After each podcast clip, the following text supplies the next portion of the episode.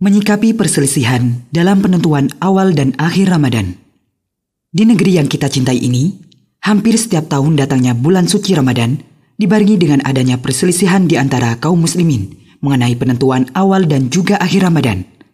Sebagian orang menggunakan metode ru'yatul hilal dan sebagian lagi lebih mempercayai hisab falaki atau perhitungan astronomis.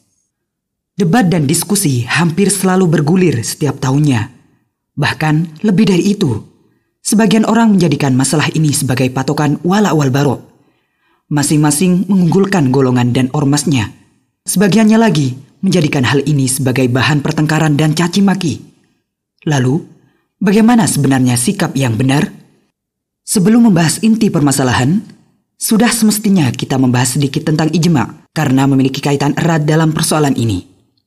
Al-ijma secara bahasa artinya kesepakatan Sedangkan secara istilah, ijma' adalah kesepakatan para ulama mujtahid dari beberapa generasi umat Nabi Muhammad SAW setelah wafatnya beliau dalam masalah agama.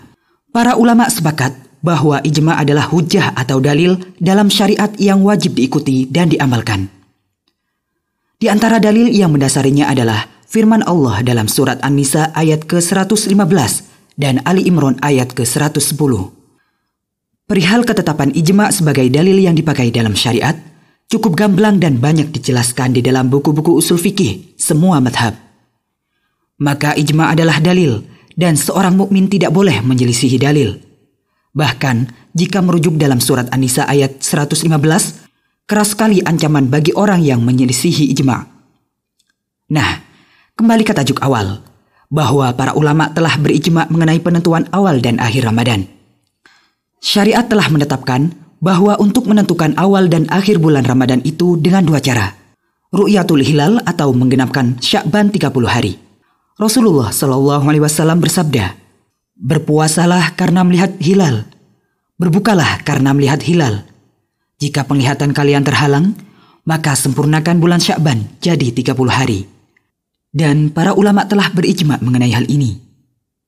Ibnu Hajar Al-Asqalani dalam kitab Fathul Bari mengatakan, Ibnu As-Sabak berkata, Adapun metode hisab, tidak ada ulama madhab kami, Maliki, yang membolehkannya tanpa adanya perselisihan. Sebelum beliau, juga telah dinukil dari Ibnul Munzir dalam Al-Ashraf, puasa di hari ke-30 bulan Syakban tidaklah wajib jika hilal belum terlihat ketika cuaca cerah, menurut ijma para ulama. Dan masih banyak nukilan ijma mengenai hal ini menunjukkan bahwa masalah ini bukanlah masalah yang diperselisihkan para ulama, atau dengan kata lain, bukan masalah khilafiyah di antara para ulama. Dengan demikian, sebagaimana sudah dijelaskan tadi mengenai wajibnya berpegang pada ijma, hendaknya setiap muslim tidak menyelisihi ijma para ulama dalam masalah penentuan awal dan akhir Ramadan. Lalu, jika ada beberapa ormas yang sudah mengklaim masuk Ramadan atau bulan Syawal, dan keputusan ormas di negeri ini berbeda satu dengan yang lainnya, maka manakah yang mesti kita ikuti? Begini, persatuan yang diajarkan Islam adalah bersatu dalam al-jamaah, yaitu bersatunya umat Islam dalam kebenaran. Rasulullah Shallallahu Alaihi Wasallam bersabda, berpeganglah pada al-jamaah dan tinggalkan kekelompokan, karena setan itu bersama orang yang bersendirian dan setan akan berada lebih jauh jika orang tersebut berdua. Barang siapa yang menginginkan bagian tengah surga, maka berpeganglah pada al-jamaah.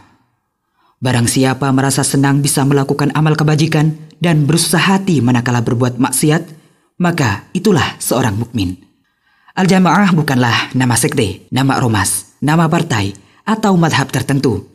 Sahabat Nabi Abdullah bin Mas'ud radhiyallahu anhu menafsirkan istilah al-jamaah Al-jamaah adalah siapa saja yang sesuai dengan kebenaran walaupun engkau sendirian. Dan salah satu makna dan ciri dari al-jamaah adalah orang-orang yang mengikuti ijma dan bersatu di bawah penguasa kaum muslimin yang sah. Dengan kata lain, mengikuti ijma dan taat kepada penguasa adalah tuntutan untuk mewujudkan persatuan yang benar dalam hal ini. Sehingga tidak perlu bingung dalam penentuan awal dan akhir Ramadan – Ikuti saja tanggal yang disepakati dan ditetapkan oleh pemerintah kaum muslimin di negeri kita tercinta ini. Semoga pembahasan ini bermanfaat.